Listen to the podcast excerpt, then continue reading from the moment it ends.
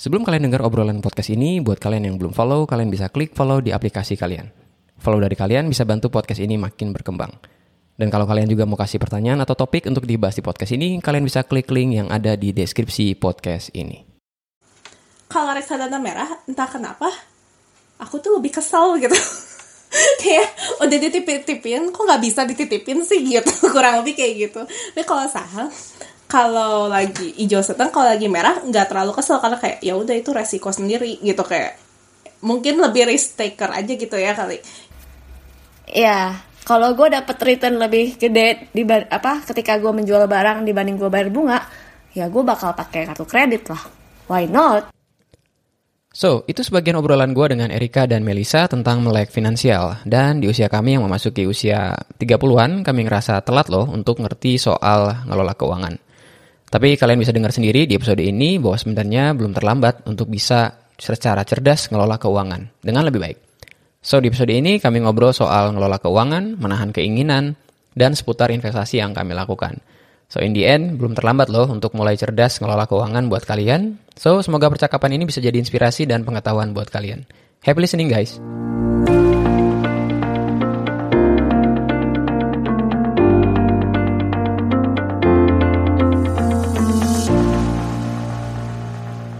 Oke, okay, halo Erika dan Melisa.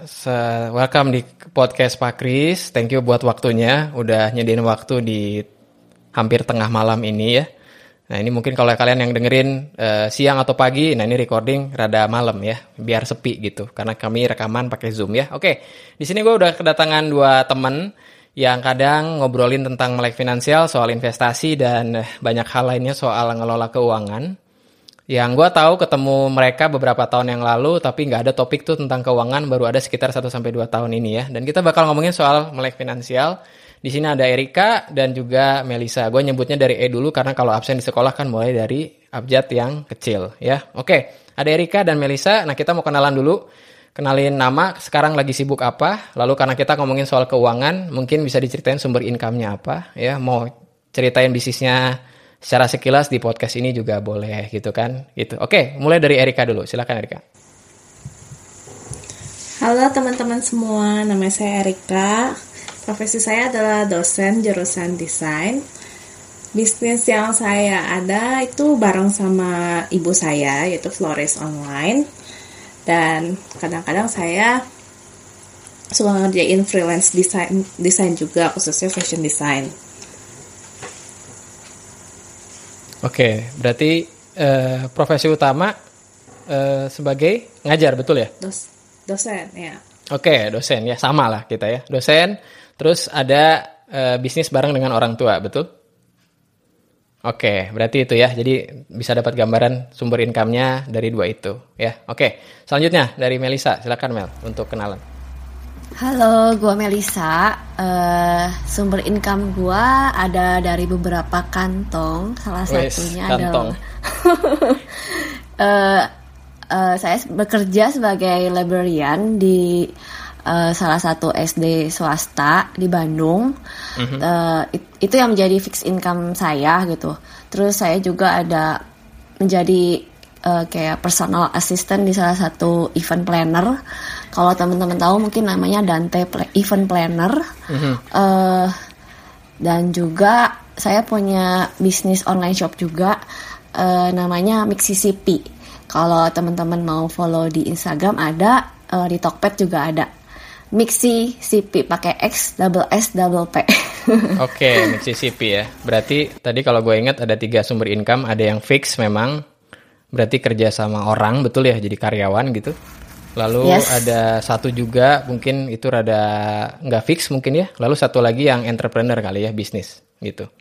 Oke, okay, semua linknya termasuk link sosial medianya Erika dan Melisa itu bakal ada di deskripsi di show notes. Jadi kalau mau follow mereka boleh. Oke, okay. nah ini masuk dalam topik pertama ya. Kita ngomongin soal ngelola keuangan kan. Dan mungkin gue mulai dengan pertanyaan. Gue termasuk orang yang terlambat buat ngerti soal pentingnya buat ngelola keuangan gitu kan.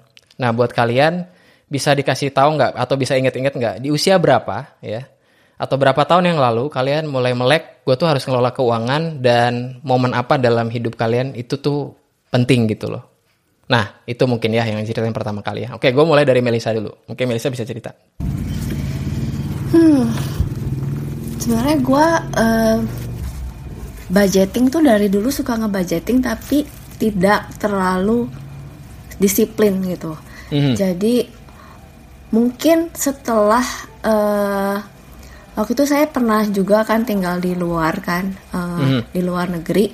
Nah di situ tuh uh, disiplin untuk untuk nabung untuk uh, budgeting tuh lumayan ketat gitu ya tapi saya nggak mikirin untuk investasi dan lain-lain gitu nggak nggak kepikiran lah gitu ketika saya balik ke Indonesia uh, uh, saya mau mulai apa karena kan mulai banyak tuh kayak konten-konten uh, apa dari YouTube dari dari Instagram gitu mulai banyak gitu bermunculan. Jadi saya mulai kebuka tuh uh, oh duitnya harusnya dipakai buat ke sini ke sini ke reksadana ke mana ke mana kayak gitu.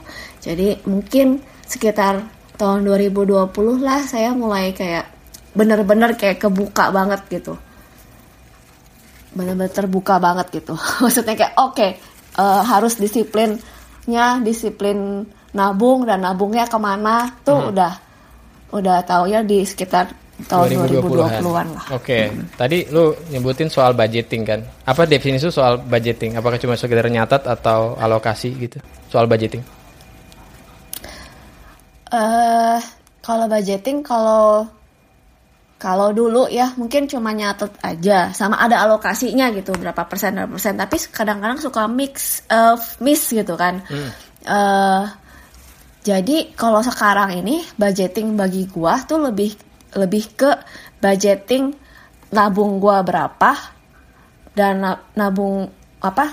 Jadi udah ada patokannya nih. Kayak kan udah udah beberapa maksudnya kita udah kebayang nih sebulan tuh pengeluaran kita berapa. Hmm. Kita bisa nabung berapa. Nah jadi buat gua sekarang karena gue pusing nih untuk perintilan sedikit-sedikit itu yaudah gue patokin aja budgeting gue untuk nabung tuh berapa. Berapa jadi, persen gitu maksudnya? Uh, uh, berapa persen udah gue ambil buat nabung gitu. Nabung di reksadana atau nabung di saham gitu. Jadi sisanya terus di tabungan gue harus ada berapa gitu biar oh, biar ada buat save dana darurat gue gitu kayak gitu oke berarti udah ada presentasi yang jelas masuk ke mana masuk kantong mana dan nggak sampai terlalu detail ya lu ngitungnya kan gitu oke. Oke, itu dari Melisa 2020 ya. Berarti sekarang 2022 udah jalan 2 tahun, sempat budgeting tapi udah mulai sadar banget apalagi soal investasi mungkin tahun 2020 ya gitu. Kalau Erika tahun berapa atau bisa diingat momen apa gitu yang bikin rada melek soal finansial? Kalau sebenarnya kalau dari dulu uh, saya suka sih nyatet-nyatet pengeluaran. Mungkin karena kebiasaan jadi bendahara gitu ya.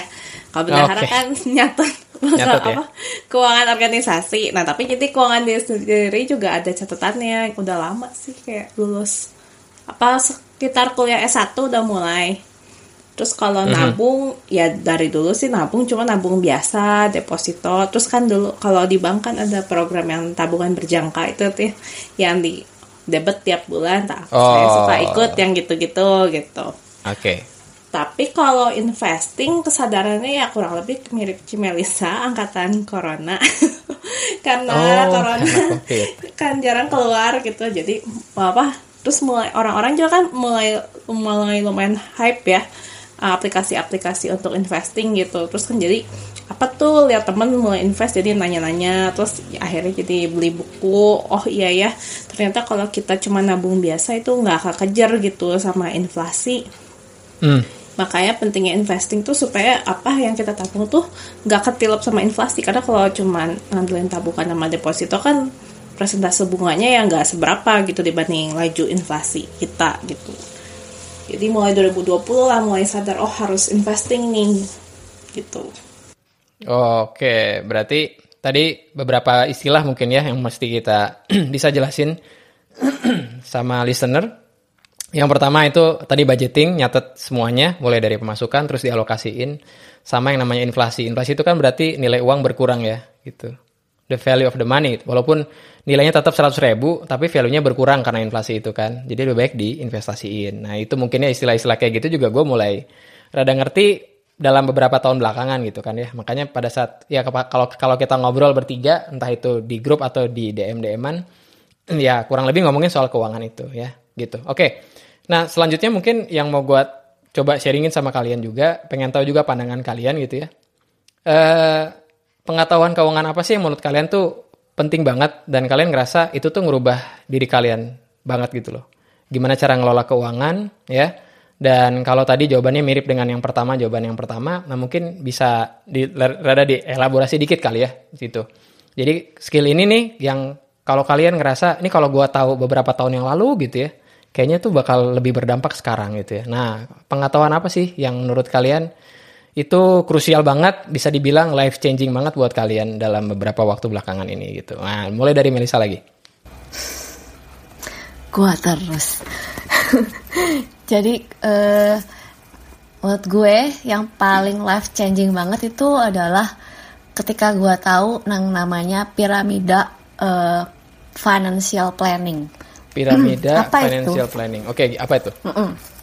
Nah, piramida ini tuh uh, jadi ada secara garis besar gue deskripsiin ya ada lima ada lima tingkat gitu kan bentuknya piramida ya jadi yang paling bawah tuh lebih besar dibandingkan di atas mm-hmm. piramida nah yang paling bawah itu adalah cash flow cash flow, cash flow. ini okay. lebih ke dana darurat gitu pokoknya kayak dana darurat terus manajemen kredit itu di cash flow uh, abis itu di stage kedua itu ada namanya manajemen risiko gitu ya. Jadi uh, ya kayak ada asuransi gitu. Mm.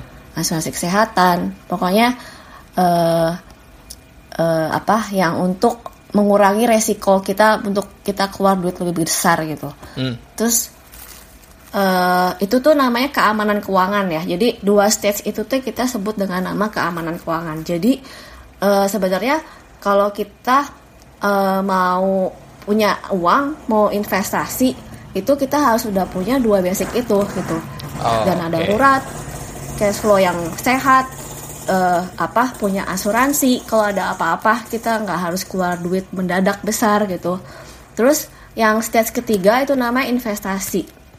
Investasi ini uh, apa yaitu yang tadi gitu kan. Kita mau lebih mengembangkan lagi gitu kan uh, dana yang kita punya Terus stage yang keempat ada dana dana pensiun kayak passive income gitu ya. Mm-hmm. Itu stage dua stage itu kita namanya kenyamanan keuangan gitu. Nah, di jadi maksudnya investasi ini tuh ada di taraf ada di uh, apa stage yang ketiga nih gitu.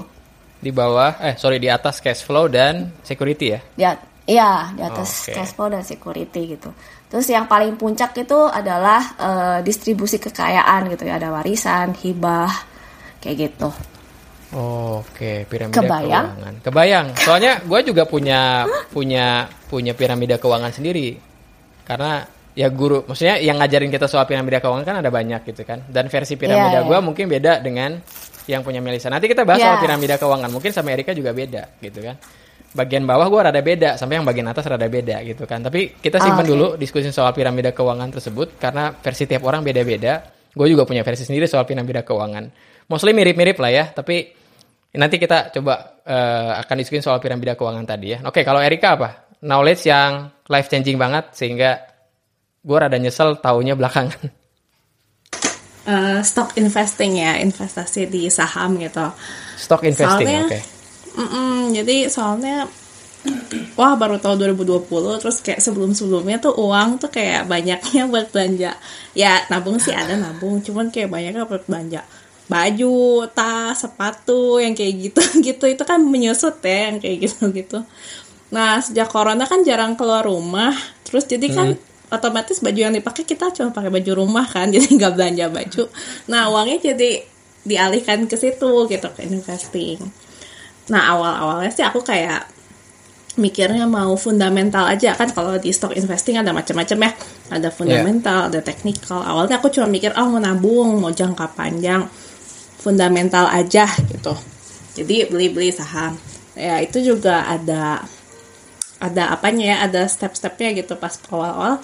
Ya merah sih porto. Soalnya kan ya udahlah pikir mungkin karena masih pandemi keadaan masih jelek pada ekonomi masih buruk merah nah jadi merah juga masih ditungguin dan diharap-harapin nah makin ke belakang nih terutama menjelang akhir 2021 awal 2022 aku mulai belajar teknikal jadi soalnya gini, Oh. ini ya ini kan eh, emang sih lagi corona, tapi kan ekonomi udah mulai bergerak ya. Jadi harusnya bisa ada kemajuan dong portonya gitu. Jadi aku mulai rubah strategi lah gitu di cara bermain sahamnya. Jadi yang tadinya cuma mau fundamental garis keras, nggak jadi. Sekarang kayak udah campur gitu. Fundamental sama technical sama ada lagi bandarmologi gitu. Jadi beli-beli bukunya. Harmologi. Iya. Wow, Bandar. sampai beli bukunya. Baru baru ngerti dia ngomong bandarmologi. Oke, oke. Terus terus. Ya karena kalau di apa di dunia saham tuh sebenarnya kadang nggak cuma digerakin sama faktor ekonomi ya tapi karena istilahnya kadang kalau di komunitas saham kan aku joinnya di komunitas-komunitas saham pokoknya harga saham tuh hanya Tuhan dan bandar yang tahu gitu. Jadi emang mereka market makernya gitu. Kadang saham turun bu- bukan berarti produk apa perusahaannya jelek bukan berarti kayak gitu cuman ya bandarnya aja lagi pengen mainin gitu. Di perusahaan yang fundamentalnya kurang bagus gitu. Jadi itu nah sejak belajar itu oh Porto mau jadi ada kenaikan maksudnya jadi hijau gitu jadi Oh, lebih cuan gitu setelah eh, fundamental dan teknikalnya digabung dan bandar mongologi Oke, berarti ada fundamental. Fundamental tuh artinya kita invest aja kan. Kita nggak lihat per hari, bener nggak sih? Kayak yang eh, jadi kalau fundamental tuh kayak menilai berdasarkan valuasi valuasi di masa depan ya. perusahaannya eh. Hmm. Kalau technical, itu lebih ke pergerakan sahamnya gitu. Berarti Jadi lebih kalau- jangka pendek. Ya, Jangka pendek ya? yang trading tuh biasanya nggak peduli dia mau apa eh, saham ini fundamentalnya bagus atau enggak, yang penting laris atau enggak gitu. Kalau yang technical gitu, time frame-nya pendek. Nah, kalau bandarmologi lihat kayak bandar lagi akumulasi atau enggak, ban- eh, foreign flow. Foreign flow tuh maksudnya asing masuk invest atau tarik gitu. Kurang lebih kayak gitu. Nah, kalau digabung kalau menurut menurut aku sih lebih efektif ya. Cuman ya kadang itu sih perdebatan abadi. Ya, ada oke. yang fundamental garis keras, ada yang technical garis keras. Tapi kalau menurut aku bagusan digabung sebenarnya ilmunya gitu. Oke, jadi hybrid aja ya, digabung-gabung aja ya. Oke, gue Iya. jadi penasaran. Ambil bagus-bagusnya aja gitu. Ambil bagus-bagusnya aja, lalu lihat mana yang sesuai dengan kasus ya kali ya. Ya nggak sih? Sesuai dengan keadaan. Gitu. Oke, Iya. itu soal saham ya. Tapi tadi gue penasaran, berarti kalau buat Erika investasinya itu 100% di saham atau ada yang lain? Hmm, ada sih Diversifikasinya aku, kayak berapa? s- apa suku retail itu kayak surat berharga gitu. Ya itu ada. Oh. Tapi kan kalau itu kan diantepin ya, maksudnya Ah. kita nggak nggak mainin gitu. Oke. Aku sempet di reksadana tapi nggak tahu sih aku lebih suka saham karena bisa lebih kontrol sendiri kan gitu. Oke, berarti ada di surat berharga negara sama saham gitu. Ada 90% di saham? Invest? ya lebih banyak di saham sih. Enggak nggak kayaknya Oh. perbandingannya eh, 60 eh nggak 70 persen di saham Tujuh- lah. 70% di saham, sisanya baru di yang lain ya, surat berharga salah satunya. Oke. Beda ya. Soalnya gue pernah terjun saham dan gue sadar gara-gara FOMO waktu itu, ah, gue cobain-cobain, terus nggak ngerti, terus rugi, ya udah gue cut loss, akhirnya nggak pernah lagi di saham. Itu ya karena ah, ada banyak pertimbangan ya gitu. Kalau Melisa, lu punya berapa persentase buat buat investasi itu ke mana aja sih? Dan kalau bisa tahu persentasenya? Oh. Kalau gue eh ada dari 100% aset, 50% gue ke saham, eh 30% gue reksadana, 10% ke P2P lending, Peer to peer, oke. Terus? heeh, 10% lagi ke yang forex. Oke. kemarin kemarin sempat ikutan robot forex dan Nah, dan terus? ya you know lah. Oh, I see, I see. Tapi tapi gue mau bahas itu ya karena lu udah memastikan dua piramida bawah tercukupi kan, and then yes. you can invest gitu loh. Yes. Gitu. Erika juga gitu nggak sih? Maksudnya memastikan bahwa cash flow-nya sehat, lalu security ada, ya nggak? sebenarnya aku nggak terlalu dipiramidain banget sih cuman aku kayak bikin catatan aja. Misalnya bulan depan kayak perlu ini ini nih jadi dicatat aja gitu perlunya apa apa apa dinabung segimana buat gopay berapa yang kayak gitu gitu aja. Nggak dipiramidain okay. banget sih. Oke. Oke oke oke. Paham paham ya. Ya tiap orang beda beda ya buat cara ngelola keuangan ya gitu. Oke. okay. Terus berarti instrumentasi eh instrumen ya instrumen ya investasi itu kita udah bahas semua. Terus yang gue pengen tahu juga pertimbangan kalian buat milih instrumen itu apa sih? Kalau tadi kan Erika jawabnya kayak, ya kayaknya lebih seru di saham gitu ya. Tapi pertimbangannya apa? Apakah hanya sekedar cuannya gede? Atau ada apa nggak yang mendrive itu gitu ya? Kalau gue misalnya, gue cash gue cuma tiga persen, dihitung-hitung terakhir tiga persen doang cashnya nggak ada tiga persen, tiga persen doang. Reksadana itu hampir hampir mungkin 96 persenan gitu. Satu persennya gue nggak tahu somewhere in between gitu kan ya. Jadi gue punya cash tuh dikit banget gitu kan. Gitu.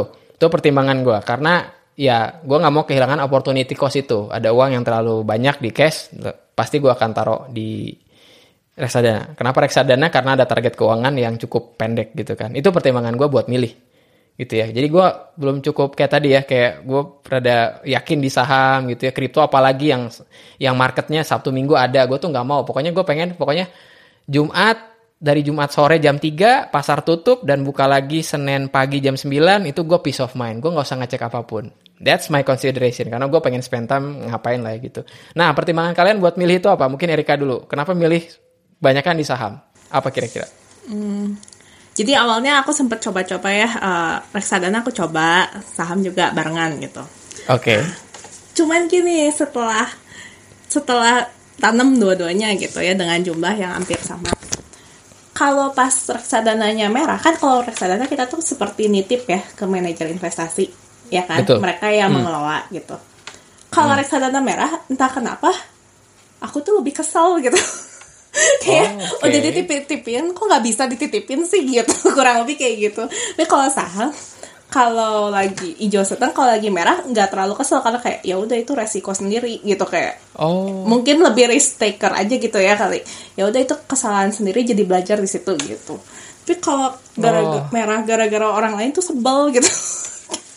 Ini mindset yang maksud gua orang kan kayak eh kenapa lu milih saham? Karena high risk high gain itu jawabannya tapi baru gue nemu jawaban yang karena gue kesel sama MI-nya gitu kan. Kenapa itu gue dititipin dulu kenapa dia nggak bisa gitu kan. Baru yeah, gue dengar yeah. jawaban dari iya. seseorang yeah. dalam hari ini Erika. Lo ya lebih hygiene juga sih sebenarnya di saham gitu. Lebih kayak asal kita ngerti mainnya okay. gitu. gue gue jadi ngerti gue jadi ngerti kenapa Erika ini jadi rajin baca buku rajin karena begitu merah kan ngerasa kok gue rada lemot ya, kok rada salah gitu ya buat naro. Jadinya belajar lebih banyak ya nggak sih itu yang bikin jadi pengen belajar kan? Iya iya, maksudnya dulu kan uh, dulu kan mas pas masih kayak fundamental banget gitu kayak oh ini turun di ditungguin cuman di Arab-Arab gitu ya nanti naik lagi. Tapi enggak ternyata kalau tiga begitu tahu teknikal oh enggak itu harus kita harus pasang stop stop loss gitu. Kalau udah berapa persen cut gitu. Nanti kalau dia ada tanda-tanda reversal jadi kalau dia turun kita nggak usah ikutin turunnya gitu. Kayak lepas aja dulu nanti dia turun nanti kalau orang teknikal kan ngerti ya cara-cara apa sinyal sinyal-sinyal reversal kayak gimana. Hmm. begitu dari reversal baru ikut lagi keretanya gitu. Jadi kayak nggak usah setia-setia amat gitu kurang lebih kayak oh, gitu oke okay, oke okay, ngerti ya. Itu istilah-istilah gitu kadang gue kalau lihat di IG ada yang IG live terus baca grafik gitu kan. Ya, oke okay, ya, berarti ya, itu memang aku ada jadi belajar gitu. baca grafik tapi jadi lebih bagus portonya sejak bisa gitu jadi fundamental aku masih pakai untuk memilih si emiten atau perusahaannya yang bagus yang mana si hmm. technical aku pakai untuk kapan aku masuk dan kapan aku keluar gitu oke okay. tapi tetap kan di pasar Indonesia artinya Sabtu Minggu nggak usah trading kan Iya nggak? Iya iya pasar pasar Indonesia. Ada Dan sih gue trade kan? dikit kan? dikit cuman aku kayak belum berani tambah lagi soalnya kan masih. Iya. Masih. Iya gue trade tanda berarti kan ya. di saham luar ya. Iya di saham luar kan berarti kan? Oke, paham. Nah, buat Melisa kenapa sih? Gue lihat lu sangat diversifikasi dibandingin Erika yang 90-an persen. Gue yang hampir all in di reksadana gitu kan karena ada target keuangan. Lu tuh kayak banyak banget. Lu punya peer to peer, lu punya forex, lu punya reksadana gitu kan ya. Kalau kita nunggu cashback kan barengan ya jam 10 ting gitu kan. Iya, ting gitu ya. Dan lu punya di saham juga. Nah, apa sih yang bikin lu berdiversifikasi sampai sebanyak itu? Karena gue pengen memang mendiversifikasi gitu. Jadi misalnya kalau saham gue eh, lagi merah, gue masih ada istilahnya buffer lah ya, ada ada ada ada persediaan istilahnya ya di P2P, di apa di reksadana, Reksadana. gitu. Gitu. Karena Oke. gue memilih reksadana yang bukan reksadana saham. Jadi gue memilih reksadana pasar uang atau enggak reksadana obligasi yang grafiknya selalu naik, gak pernah turun. Yes. Betul. jadi jadi dia memang memang sedikit returnnya tapi dia selalu naik gitu. Jadi ya gue mengkombinasikan itu supaya kalau emang ada salah satu yang kalau kayak saham kan ya kalau dia naik naik gitu kan tapi kalau ada kalanya dia turun nah itu tuh gue bisa membuffer itu dengan eh, instrumen investasi gue yang lain gitu seperti P2P dan juga reksadana gitu Oh, oke. Berarti kalau pas merah yang nggak merah semua ya. Itu kayak ibarat orang jualan tuh kan dia jualan banyak nih. Kalau ini rada kurang laku, gue masih ada laku belah sana gitu ya. iya ya Oke, benar-benar itu mungkin ilustrasi yang tepat. Nah, buat kalian yang mungkin apa sih obligasi pasar uang dan sebagainya, lebih baik banyak baca karena itu penting buat masa sekarang, buat masa depan juga gitu. Oke, nah yang mau gue tanya lagi selanjutnya adalah setelah kalian melek investasi, berarti kan ada uang yang dialokasiin buat investasi, bener nggak tiap bulan? Kalau Erika full, almost every eh, apa hampir semua ke saham, gue hampir semua reksadana, eh, Melisa yang rada milah-milah ini yang mana yang mana yang mana gitu ya. Artinya kan ada sesuatu, ada sejumlah uang yang tadinya dipakai buat belanja, dipakai buat konsumsi, itu sekarang dipakai buat investasi, betul nggak? Kayak gitu kan. So, gimana cara kalian menahan keinginan buat belanja? Masing-masing versinya gimana? Buat Erika dulu gimana? Karena kan wa- ya pendapatan mungkin nambah dikit-dikit. Tapi kan sekarang udah banyak yang buat diinvestasiin kan. Kayak tadi yang cerita kan ya. Dulunya konsum, sekarang invest. Nah, ada nggak maksudnya gimana cara cara Erika buat eh, nggak tergoda buat yang harusnya buat invest malah buat konsum? Biasanya aku kalau habis gajian langsung isi RDN. Jadi udah dipotong dulu ke RDN duitnya gitu. Yang jadi supaya nggak kepake gitu. Sama sekarang jadi kayak lebih lebih pingin beli saham gitu maksudnya. Kayak kalau dulu misalnya anggap dulu beli kosmetiknya yang loka- eh, yang brand luar gitu ya, beli kosmetik yang loka- brand luar. Tapi sekarang jadi ah udahlah lokal brand aja yang murah-murah gitu. buat kosmetik karena misalnya begitu misalnya beli kosmetik 200 ribu ini bisa beli Bisa beli ini berapa bisa lot beli ya? satu lot saham ini gitu. Jadi kayak kalau ada barang mahal aduh ini bisa beli berapa lot gitu jadi langsung hitungannya udah tahu gitu. Gitu jadi kayak otomatis jadi ngerasa sayang sendiri gitu. Jadi mending jadi cari apa ya? Cari brand lokal. Jadi caranya gitu ngehematnya dengan cara ganti brandnya. Terus jadi emang jadi rada sedikit juga sih pengeluaran di bidang itu karena memang kan work from home juga ya jadi nggak Hmm. ada nggak terlalu konsumtif jarang pergi-pergi juga gitu sekarang gitu Oke, berarti caranya gini ya. Begitu gue mau beli sesuatu, gue harus lihat namanya kayak gitu tuh namanya ada istilah ekonominya, namanya re- replacement cost. Jadi pada saat kita mikirin duit berapa, replacement cost. Tapi ada yang namanya utility cost, ya. Contoh, air itu utility costnya tinggi dia. Karena tanpa air kan kita nggak bisa hidup ya. Tapi replacement costnya rendah, karena gue nggak bisa. Eh, Mel, gimana kalau gue beli mobil lu pakai air seabrek? gitu misalnya? itu kan? Jadi dia itu nggak bisa digantiin dengan sesuatu tapi ut- utility gede gitu. Tapi emas emas itu ut- ut- utility costnya rendah. Gue nggak bisa makan emas kan? Tapi eh, replacement costnya tinggi. Itu bisa di bisa di eh, apa? Bisa dibeliin sesuatu kalau gue jual. Kan ya? Gitu Oke, paham ya? Nah, itu mungkin yang mau gue sharingin soal tadi ya. Si Erika ini mikir, oh gue kalau beli sesuatu, gue bakal konversinya jadi sekian lot gitu kan ya. It's a good thinking ya. Gitu. Kalau gue apa ya? Kalau reksadana kan nggak pakai lot ya, pakainya unit ya gitu. Cuma gue nggak hafal juga harga unit ya. koma-komaan lagi Iya, koma-komaan lagi susah kan. Kalau itu kan eh, apa? Kalau itu kan dia sifatnya lebih lot yang jelas gitu ya. Oke. good thinking. Lalu ganti menjadi brand yang lebih lokal. Apalagi brand lokalnya punya PT, terus PT-nya gue ada saham di situ kali ya. Mending gue beli gue beli produk yang gue punya saham tuh di situ ya. Oke, okay, it's a good thinking. Oke, okay, kalau buat Melisa, gimana caranya lu? Gue pengen beli ini, tapi udahlah buat itu aja. Itu mindsetnya gimana? Gue bakalan ngelis sih. Gue suka ngelis apa apa aja yang gue pengen beli gitu. Mm-hmm. Jadi abis dari listener itu, yang mana duluan nih yang gue bisa uh, wujudkan gitu dalam waktu dekat oh. gitu. Gitu terus habis itu di maksudnya jadi gue nggak langsung beli tapi gue kayak mikir hmm kalau gue beli bakalan bakal bakalan gimana gimana gimana. Kayak gitu kalau gue dan sekarang sekarang ini gue nggak terlalu banyak beli ya itu tadi kayak fashion fashion gitu nggak terlalu banyak sih. Karena kayak udah udah ada pada masanya kemarin ini sebelum gue bertobat gitu kan. Udah beli banyak gitu ya. Ya udahlah pakai yang ada dulu gitu ada masanya membeli fashion ada masanya mau membeli yeah. apa investasi gitu kan saham-saham gitu betul kalau tadi nyambungin sama Erika ada masanya gue lihat harga kosmetik lalu gue beli ada harganya gue lihat kosmetik tapi bentuknya lot kan gue dapat berapa lot ya buat ini gitu kan oke okay. oke okay, good good ya gitu Nah, uh, menurut kalian berarti kan kalian punya pertimbangan buat tadi ya, buat investasi tadi kan. Pertimbangannya banyak ya gitu ya. Dan kalau bisa kita lihat dalam realita belakangan kan banyak orang yang mungkin gak mikir panjang ya buat investasi gitu. Itu yang bikin orang jadi rugi gitu kan. Tadinya pengen untung tapi malah rugi gitu ya. Nah, kayak kayak gitu ya. Nah, ada ini nggak? Maksudnya ada ada mindset nggak buat kita supaya bisa bijak dalam memilih suatu investasi dan supaya kita punya mindset di mana kita nggak kehilangan uang justru ya justru malah dapetin uang tapi uh, kita ya nggak kehilangan uang gitu ya. Nah mindset apa nih? Kalau kalian diajak buat investasi apa aja sih yang pertimbangan kalian dalam investasi tersebut? Gitu. Oke mungkin Melisa dulu Melisa dulu. Lu punya pertimbangan apa nih buat memutuskan gue mau invest di sini? Podcast Pak Kris akan kembali setelah promo yang berikut. Buat kalian yang ingin meningkatkan produktivitas tapi bingung mau mulai dari mana, Podcast Pak Kris menawarkan tiga kelas online, Kickstart Your Productivity. Tiga kelas itu adalah berhenti menunda, melatih fokus, dan plan your perfect week. Kelas ini berbasis video yang bisa kalian pelajari kapan pun.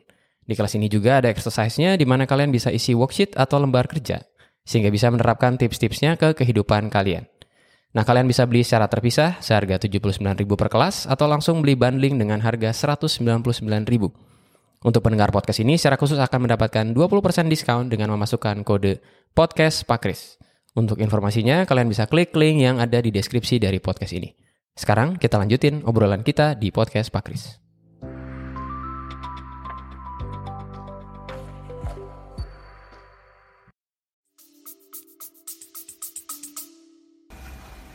Uh, saham ini uh, perusahaan saham anything atau... anything. Mau P2P anything. mau mau apa mau saham maybe crypto atau apa pun atau ada orang kayak eh lu mau nggak taruh modal di gua? Nah itu pertimbangan apa aja yang lu coba pikirin sebelum taruh duit di situ?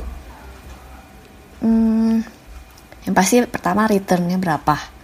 Return. dalam waktu berapa lama? Return oke. Okay. terus? Uh, return dan jangka waktunya dapatnya berapa lama gitu kan? Hmm Terus uh, resikonya sih apa? Resikonya Resiko. apa? Oh, oke. Okay. Oke, okay. berarti there is no such a thing as low risk high gain ya? Iya nggak? Ada nggak? Hmm. Kayak risikonya rendah tapi kayaknya untungnya gue tinggi gitu. Biasanya kan orang linear kan ya gitu. Ada ada ada itunya juga sih. Makanya ada beberapa ada beberapa apa sih kayak investasi yang gue mikir lagi kayaknya gue nggak nggak untung deh investasi di sini gue mendingan duit gue gue buat bisnis buat muterin gue di bisnis online gue gitu kan jadi ada ada beberapa kali gue kayak udahlah gue mendingan gue taruh investasi di bisnis gue sendiri aja gitu oh gitu. oke okay. berarti udah mikirin opportunity cost ya daripada gue kasih ke dia mending gue taruh lagi di bisnis gitu iya yeah. uh -uh. oke okay. oke okay, good thinking ya kalau Erika apa Erika kalau yang harus dipertimbangin ya karakter masing-masing ya. Soalnya mungkin ya saham misalnya nggak cocok buat kalau yang suka gampang panik gitu ya. Karena kan apalagi kalau mainnya di yang volatil gitu kayak ada temen kan tahu aku main saham terus kayak suka nanya-nanya terus eh ini terus dia suka wa gitu kalau misalnya eh ini gini ini gimana dong? Jual jual. Oh. gitu. Terus eh, eh tenang tenang kata kalau kalau lagi gini jangan panik gitu. Maksudnya itu biasa koreksi wajar gitu. Paling besok juga udah membaik. Jadi kayak paling kalau yang kayak gitu mending aku saranin kayak ya udah reksadana aja lebih aman gitu. Lebih enggak jadi apa naik turunnya nggak se nggak se volatil saham gitu atau Iya. enggak kalaupun mau main juga main saham beli eh, belinya yang emiten bank konvensional deh gitu kan kalau yang bank konvensional lebih stabil gitu ya harganya tapi kamu jangan masuk ke yang batu bara gitu-gitu itu lebih lebih ada siklusnya gitu jadi harus Oh. kenali karakter masing-masing terus kayak tujuannya apa mau jangka pendek jangka panjang gitu karena Oke, kalau berarti sesuaiin sa- sesuaiin tujuan investasinya buat ngapain sama resiko tadi ya. Gue dapet dari Melisa tadi ya. Oke, ada lagi nggak selain itu? hmm, time horizon gitu ya kan orang mau nabungnya berapa lama nih gitu Oh, gitu terus kalau time horizon terus eh kalau mau dapat cuan atau emang mau nabung gitu kalau mau dapat cuan doang sih sebenarnya nggak usah di kalau saham nggak usah yang emitennya fundamental bagus-bagus amat gitu. Cari aja selisihnya dari yang gorengan juga nggak apa-apa. Tapi kalau kita cuman maunya kan ada temen yang kayak mau nanam saham tapi nggak mau mantau chart tiap hari gitu. Oh ya udah itu yang cari yang fundamentalnya bagus aja tapi biasanya membosankan gitu. Si naiknya tuh pelan-pelan gitu.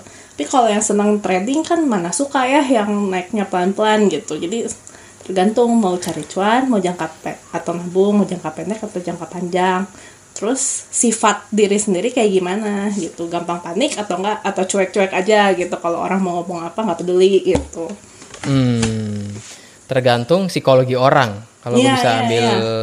ambil ini ya.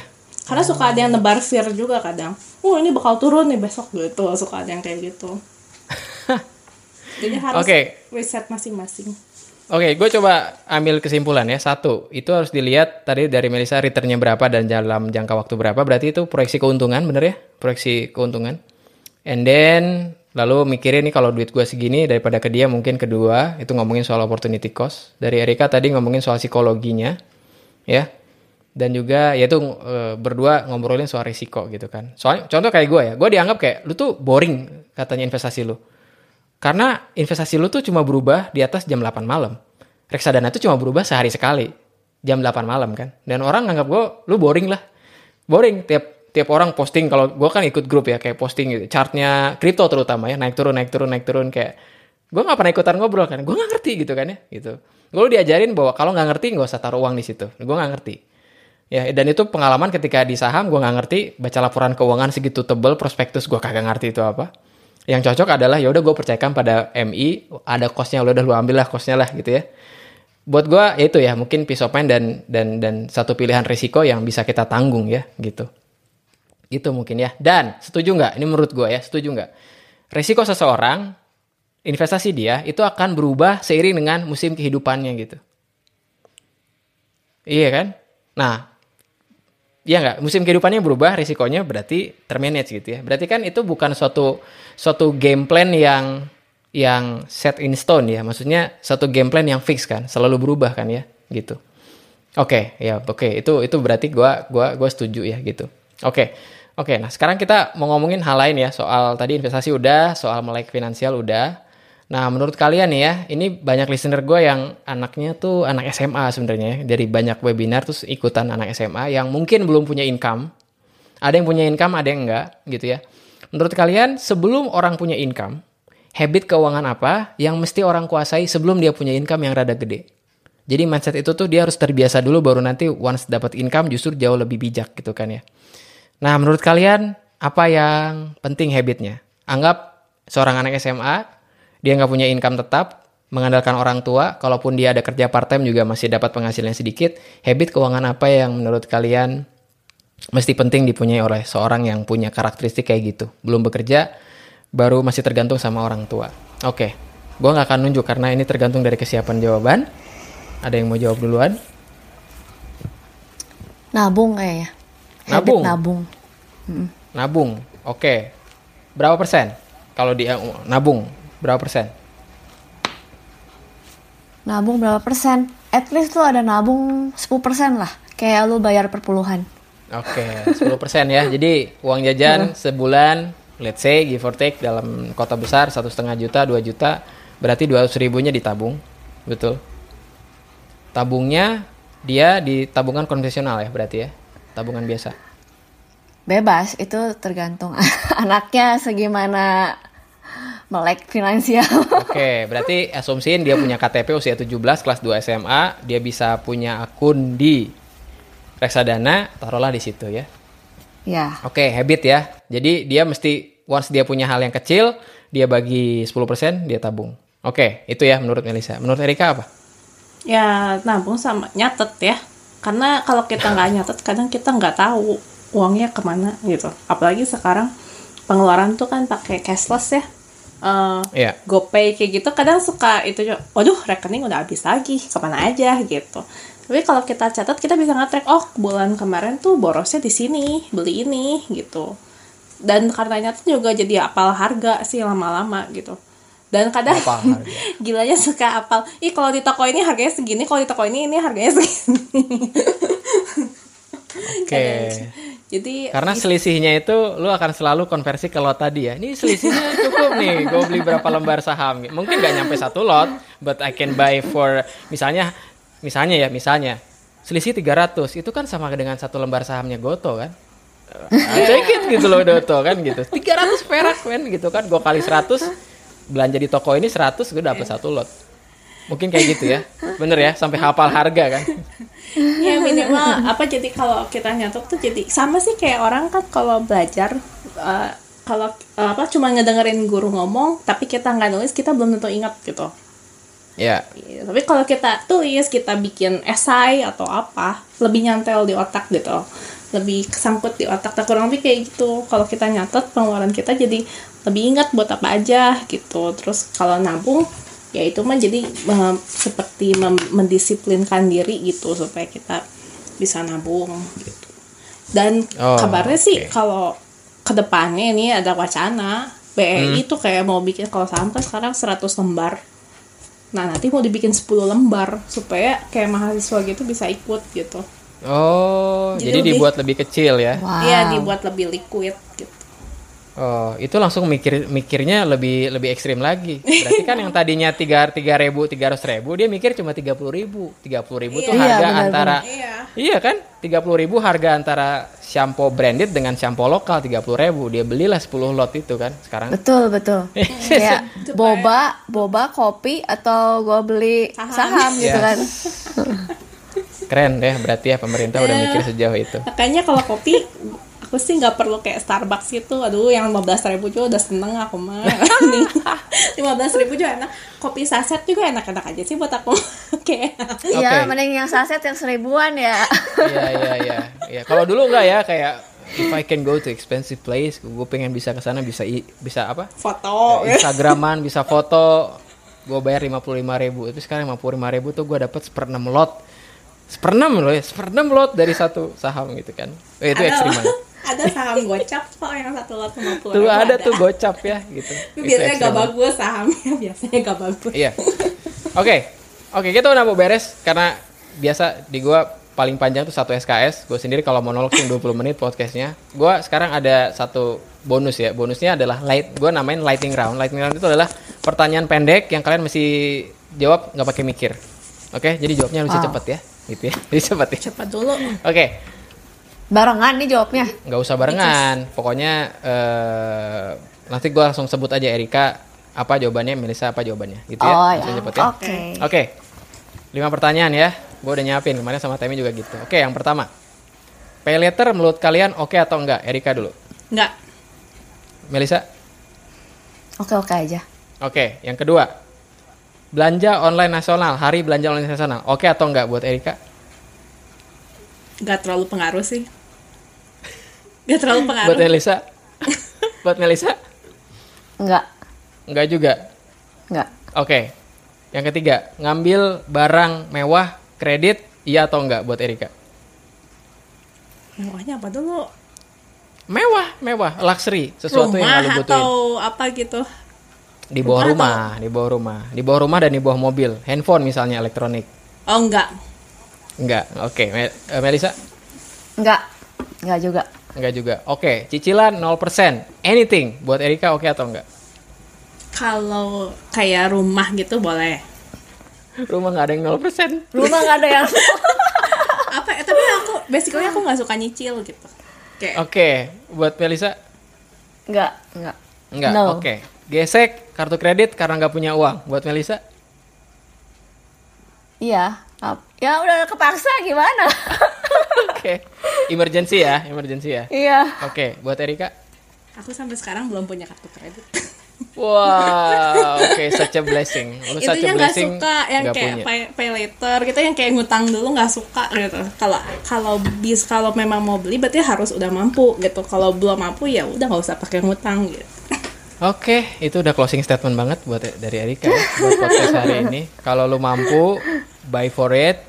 Kalau gue sendiri pedoman dalam pakai kartu kredit adalah gue pakai buat transaksi yang nggak bisa pakai rupiah.